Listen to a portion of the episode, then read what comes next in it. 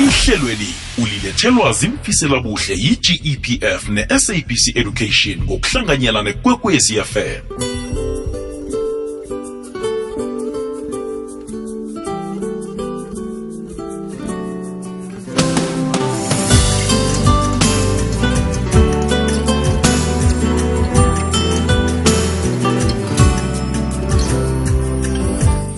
ikwekwezi fm kukhanya ba siyakulotshisa siyakwamukela mlaleli godu ntambama namhlanje sekungelesine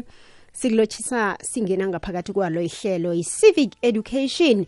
bizo lami nginguthokozane indulu namgwezani sisoke ke kusuka njenganje mlaleli kuzabe kubethe isimbi yethumi lanamhlanje sike ihlelo livezwa ngupatrick kabini Hlalithwa kazimlaleli kokwezi FM njengoba na usazi bona ke ihlelo lethu lithengiwe eh sikhamisana lapha ke nebakwa GEPF Government Employee Pension Fund ngibo ke mlaleli kokwezi FM esikhamisana nabo namhlanje si iepisode yethu ke yesihlanu eh, kanti ke sicale lapha ke ukuvikeleka kobulelesi kanye nelwazi okungasilo lakwa-GPF mlalele kwekwezi FM ubulalesi kungenye nje yendlela ezijayelekileko emabhizinisini nabantu nje-ke abalahlekelwa ngayo yimali um uthole umuntu-ke imali seyinyamalale um eh, kodwana-ke eh, kunananzi indlela ezingathathwa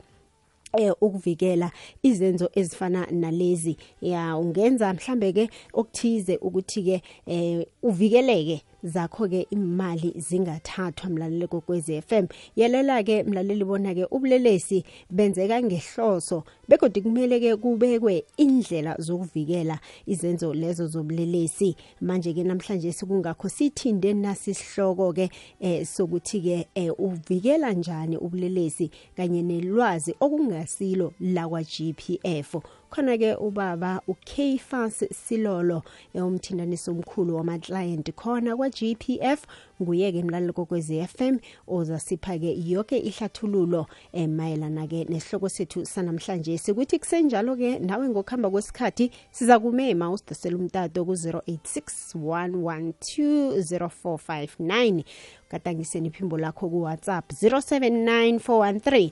2172 babusilolo kuyakwamukela ngiyakulotshisa emhashweni kwekwezi FM eh ngiyathokoza sisithi ke ngilotshise kuwe futhi ngilotshise nokumlalela sithokoza khulu kwamambala ukuthatha isikhathi sakho uzoba nathi namhlanje si la sitsheshe khona-ke indaba yokuvikela ubulelesi kanye nje nelwazi engasilo lakwa-g p f ngikuphi mhlambe lokho i-g p f ekuthatha njengobulelesi Um sister K eh ngisho ngithi eh, lo sikubona khulu njengobulelesi lokuthi umuntu aziqhamukise avele kuwe athi yena ubuya kwa-GPF ufuna ukukuhelepha eh kepha-ke ekuhelebheni kwakhe kunemali kumele umnikele yona Mm. Eh thina singababereki baka GPF njengoba sicatheke ka GPF umbereko wethu ukuthi masihelebhe abantu mm. asibafuni imali sisithe ngoba eh i-GPF ngiyo le sibhadalayo njengendlela yokumholo so umuntu makafikile kuwe athi ufuna ukuhelebha ngenkambiso ka-GPF umbuze ukhona ukuzwisisa ukuthi ngabe usebenza ne-GPF noma nje ngumuntu ozisebenzayo ohelebha labanye abantu bafuna ukuhelebha hmm. ngendlela ehlukile ngalaka GPS kepha-ke makumbereko aka-GPS thina asivunyelekanga ukuthi sifune imali hmm. kuma-client ethu aka-GEPF sisike ngiyakuzwa-ke uthi uyambuza bona-ke usebenza kwa-GPF na nange mhlambe umuntu avuma athi iye ngisebenza khona eh ngikupho khunye mhlambe amalunga wakwa-GPF angakubona bonyana awa umuntu lo akusuye ovela kwa-GPF ama-red flags nje abonakala abonakalako ngengimapi yaba ngisho sitshilo sisithe ngisho umuntu makathi eh iye sibereka ka-GPF mm. ah kepha-ke mawulalela le nkulumo yakhe athi eh eh singakhona kokusiza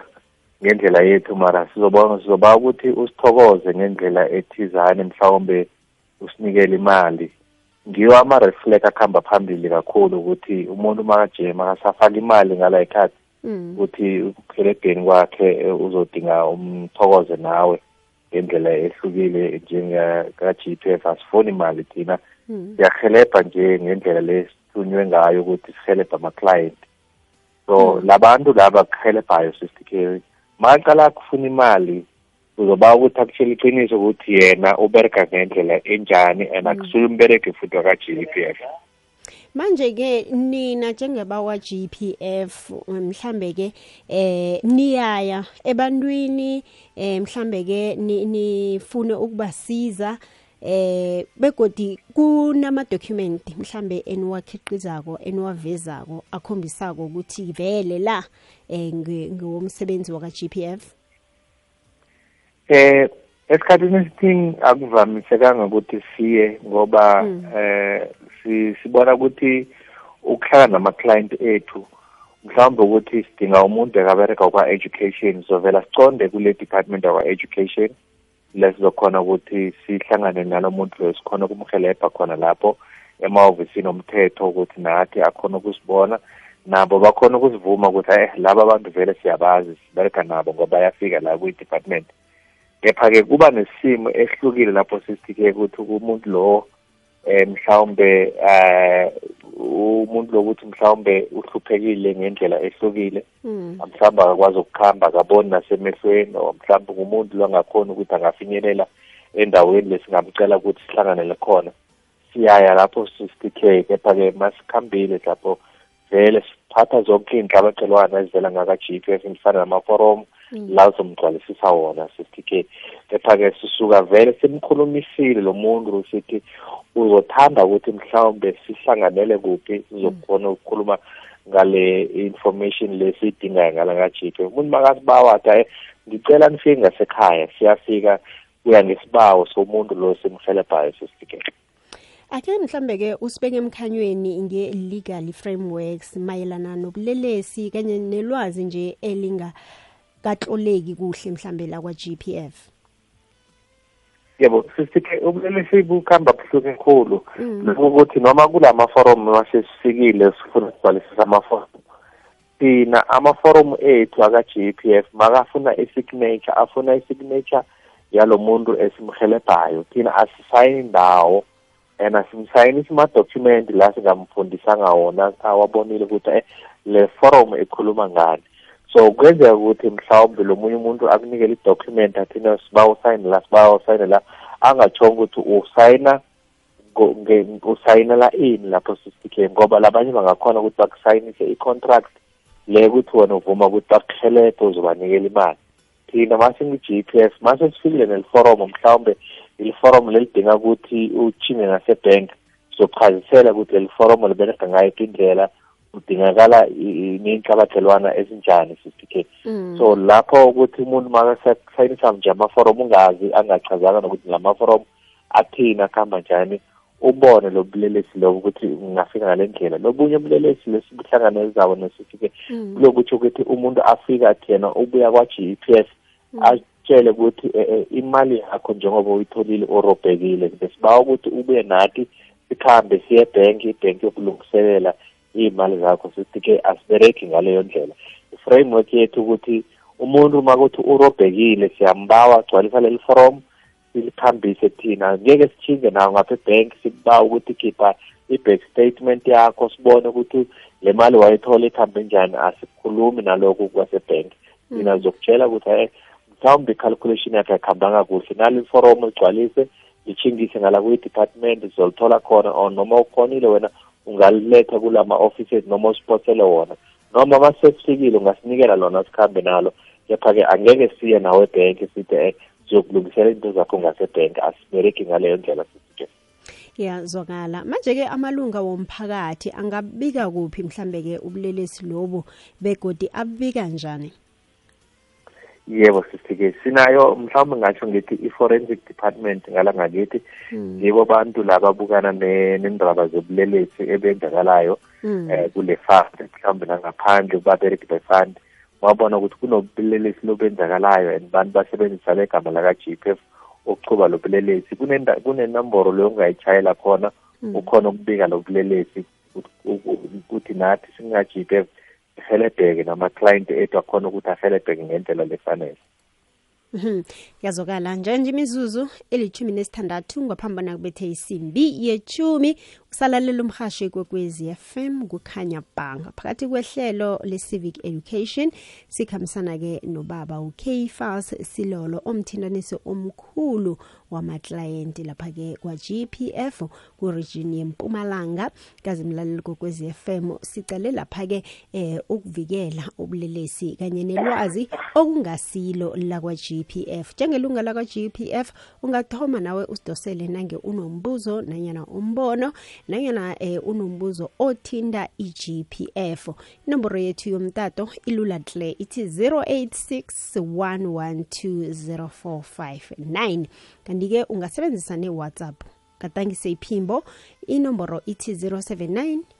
413 2172 nange unombuzo ukhona-ke ubabusilolo ozasiphendula bawusilolo ngiliphi ilwazi okumele mhlambe ke babe nalo abantu ababika ubulelesi kwa GPF kufanele baphathe ini imibuzo abaza kubuzwa yona ngiye ngimiphi yebo sisithe imibuzo le engatsho ngithi mhlawumbe eh bangatsho ngifike kuyo ngithi ngibekho ka GPF mm into yokuqala le mhlawumbe ungafuna ukuyibuza ukuthi umuntu akunikele igama lakhe ibizo liphelele eh nesibongo sakhe ukuthi njengoba utsho ukuthi wena waka-gpf ngibani igama lakho isibongo sakho ubereka kuliphi office ngibani supervisor yakho ukuthi umuntu akunikele yonke information ukuthi mhlawumbe noma ungafuni ukushayela i f ubuze ngalo muntu ukuthi bakhona bayamazi noma njani na so ngingafika kuwe nje ngathi hhayi igama likholo alibalulekanga thina nje sifuna kukuhelepha mm. usuke ubone lapho ukuthi hayi kunenkinga le ingasuka ibe khona ngoba thina ngajibef njengoba sibacashi mhlawumbe nomuntu akunikele ne-employee number i-employee number ngile sibiza ngokuthi i number ukuthi eh nginikele i-employee number yakho mm. le yaka-g p f umuntu loyo akunikele le employee number uqinisekise mhlawumbe ngokuchayela ama-office aka-g p f ubuze ukuthi eh nangumuntu ufikile lana igama lakhe ngusibani ngu-mr silolo uyatsho ukuthi nguclafas mhlawumbe uclafas silolo i-play number yakhe itit uthi ubereka kule-office ma uthayele lapho sisti k ubuzile bazokutshela kule kotso ethethwe eh, lo muntu vele sinaye kwi-database yethu nguye umbereki so lokuthi bantu kumele bazibike bazichaze ukuthi ngobani bathinga ngakuphi mm, mm. uchileke wathi obika ubulelesi akuhlogeki bona atsho ibizo lakhe ukuthi eh, ungubani mhlambe ke kumele abe nelwazi liphi nina enizambuza ngalo eh, lokha ke nakabika ubulelesi yeah lokho kubalekile sithe ukuthi eh ungacela kuba ukumhloka ini maso bika lokubelelesi Hmm. lokhu bakathe khulu ukuthi hey ungasitshela ukuthi hayi mina bengiba kunje ukuba ngithoka ina usinikeze nje lokuthi lelesi lobonile lobunjani eh ubone benzekala kuphi mhlawumbe nalilanga sawukhumbula kuhle ukuthi eh ilanga lekhona lebulelesi ngakhona kwenzekala so mhlawumbe umbulelesi lobenza umnesites untsho lapho kuphela ngomunye wababereki bakaJesu ngusilolo simbonayeza lobulelesi hmm. kepha wena lofika lobulelesi nje ngathi bawukuthi e eh, mina ngibanje kuba ngithoka ina hmm. nalokho bayabamukela le information lo solokuzinikela e-forensic yethu yazwakala eh mhlambe ke ama ama abasebenzi bekampani ye-GPF eh mhlambe ke eh bakhona ababuthelela amaforomo wembawo eh, emphakathini eh akuvamisanga kakhulu lokho sister K mm. sikwenza nje ngesibawo salo muntu lo suka simhelebha njengoba ngithile ngithi mhlawumbe singahelebha umuntu lo ukuthi ukhubazekile akakhoni mhlawumbe ukuya le nale sister K makafakile lesibawo ukuthi eh ngiyangithumelela mhlawumbe noma simchayele thina sim ukuthi sibawo lamaforomo bese ngafaka isibawo sokuthi eh, ngakhona kufika ngale ngasekhaya mhlawumbe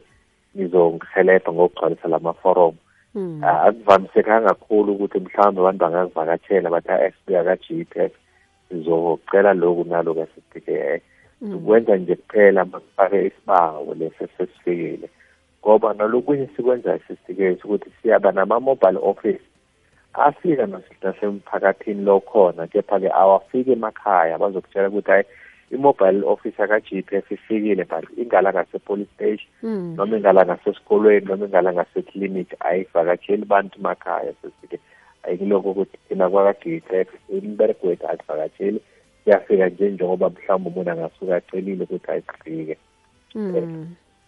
manje ngimapha amagadango-ke omthetho um eh, athathelwa umuntu otholakele enza ubulelesi ngegama lakwa-g p f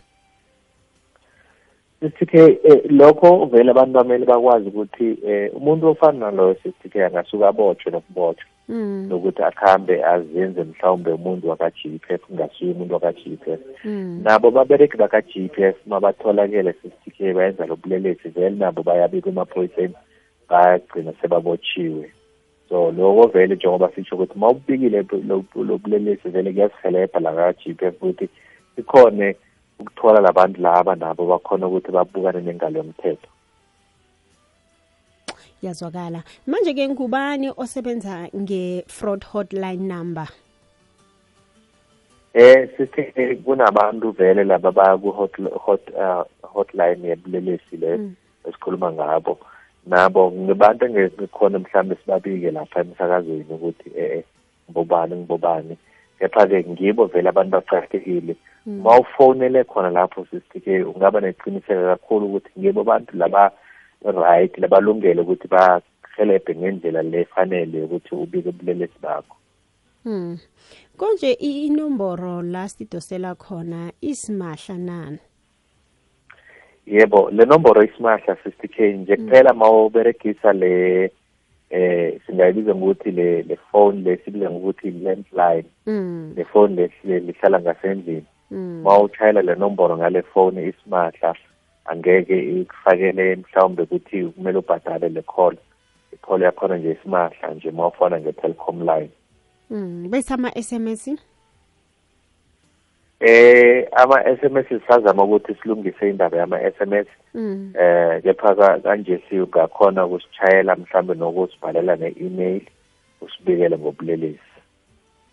yazwakala ikwekwez f m kukhanya balithoba thoba kwaphela imizuzu eseleko ngaphambi kubethe isimbi yethumi lalile ngesimbi yethumi salisonga-ke ihlelo lethu mavusana uragela phambili nehlelo sizigedlile bebethe isimbi yethumi nambili njanje usakuhamba nami thokozana ndulu namgwezani kazi-ke mtatweni sinesithekeli sethu esivela kwa-gpf ngikhuluma ngubaba ukfas silolo sicela lapha-ke ukuvikela eh, ubulelesi eh, kanye nolwazi engasilo lakwa-gpf usipha inyeleliso zonke-ke esizihlogako-ke mlalele kwekwez f m khulukhulu-ke nawulunga lakwa-gpf eh, ngombana-ke ubulelesi budlangile hle kungenzeka bona-ke kufika umuntu akutshele bona-ke usebenza kwa-gpf yena angakwazi ukuthi akunikela imali zakho um ngendlela thize efana nokuthi-ke egqineni um eh, nawe uzomthokoza ngemali ethize uphikisile-ke leyo ubaba usilolo wathi awa ayisebenzi ayikho indaba efana naleyo abasebenzi njalo bona abakwa-gpf 0794132172 gadangisa iphimbo nangiwunombuzo eh ku-086 112 dosa umtato eh usidosele ube nombuzo ngaphakathi kwesihloko sethu sanamhlanje si ebabusilolo eh, ngeziphi ezinye-ke eh, mhlambe-ke eh nanyana amanye eh ezinye nje inhlangano kuhle kuhle enibambisene nazo eh, mhlambe ukulwisana nobulelesi nina abakwa-GPF lokho kusizama kukwenza sithi-ke ukuthi sifundise amamembara ethu ngendlela sibereka ngayo um hmm. eh, ngokubavakatshele la bacatsheke khona senze ama-road show mhlawumbe nasemphakathini hmm. mhlawumbe sithumele nama-mobile office afike ngasemphakathini ukuthi sifundise abantu ukuthi thina singi-GP sibeleka ngendlela le enjani noloko mhlawumbe ngingatsho ngithi namhlanje njengoba sikhuluma la eh, emsakazweni sisithikiye ngiyo indlela ekufundisa abantu bakithi kithi ngithi nge-GP hmm. sibeleka ngendlela ehlukile mhlawumbe nalokuthi mhlawumbe abantu bangakutshela kona ukuthi hayi bakhona abantu laba khona ukuthi bangakuhelebha nje siwena ungakufaka lokuncanyana nje bayakhona nokuthi bakuphushele ikhesi yakho bese yabhadaleka thina singi-g p f Hmm. asibereki ngaleyo ndlela so ama-office akhona ne-call center la ungasishayela khona nje kuphela ukuthi uthole ukuthi uhelebheke sesike sesidevelophe ne-app hmm. esiza ukuthi i-g p s app labantu bangakhona hmm. ukuthi barejistare kule app akhona umuntu azibukele ukuthi um njengoba ngisubmithile i-claim ikuhamba njani kule app um iyabhadaleka noma kuba nenkinga lezikhona naso kulokho sizama ukuthi sikwenze mm. sifundise abantu bakithi sithi ke and sisho sithi umuntu lo makafika asayine i-contract yokuthi ufuna abantu bamhelebhe makuthi uvumelane nemali eh nalabantu labo thina asangene indawo lokuthi mhlawumbe makathi nemali seyibhadelekile hmm. ebese uyabuya ukuthi bantu bakhona bangihelebhile mani bangifuna imali ngibanikele hmm. kepha-ke angijabulisanga le nto ngoba usuka sozikhethela wena ukuthi ufuna wena ukwenza into ngendlela lenjani yezwakala ke eh khe sijike ngapha babusilolo siza kuya sirekele phambili utlhaga ukufaka isibawo senzuzo yomhlalaphasi nanyana wazi umuntu ongakafaki ongazange athole imali yakhe begodu ofuna isizo ngekambiso yokwenza isibawo ufuna ilwazi elingeneleleko ngenzuzo yepentshini nokuthi usifaka bunjani isibawo uyathaga ukusebenzisa i-self-service application nanyana unetshisakalo yokuthola ilwazi elingeneleleko nge-gepf ungathwenyeki sinawe lalela ihlelo lakho le-civic education lapha kukwekwezi fm ukufunda ngokunabileko i-gepf ibambisene ne-sabc ukufundisa nokwazisa abalaleli amalunga amapenshina kanye nabazuzako ikambiso yokwenza isibawo nelinye ilwazi elimayelana ne-gepf uthi wazi bona i-gepf isikhungo semali esingesikhulu ekontinentini ye-afrika yokana iqinile ngokwemali begodu inzinzile okwanje inemali engange-2.9 trillion yamaranda kunenzuzo engakathathwa nengakabhatelwa esesesesikhwameni se-gepf begodwa i-gepf izibophelele ukuthola abanikazi beyibabhatele inengi lizokuthabela ukwazi bona inzuzo yomhlalaphasi igunyazwe mthetho amalunga azokuthola inzuzo yabo kukuhle nanyana kukumbi ngesikhathi sobuhle nanyana sobudisi lalela ihlelo le-civic education kukwekwezi fm qobe veke ngelesine ukusukela ngo-half past 9 ukufikela ngo-10 ukufunda ngokunabileko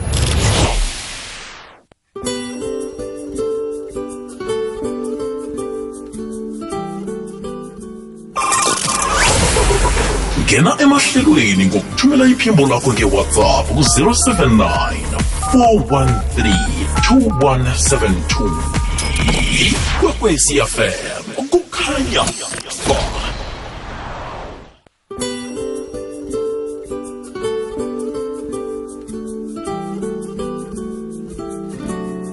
ikwekwez FM kukhanya njenge nje imzuzu thathu eseleko ngaphambi bona-ke eh, sisonge ihlelo lethu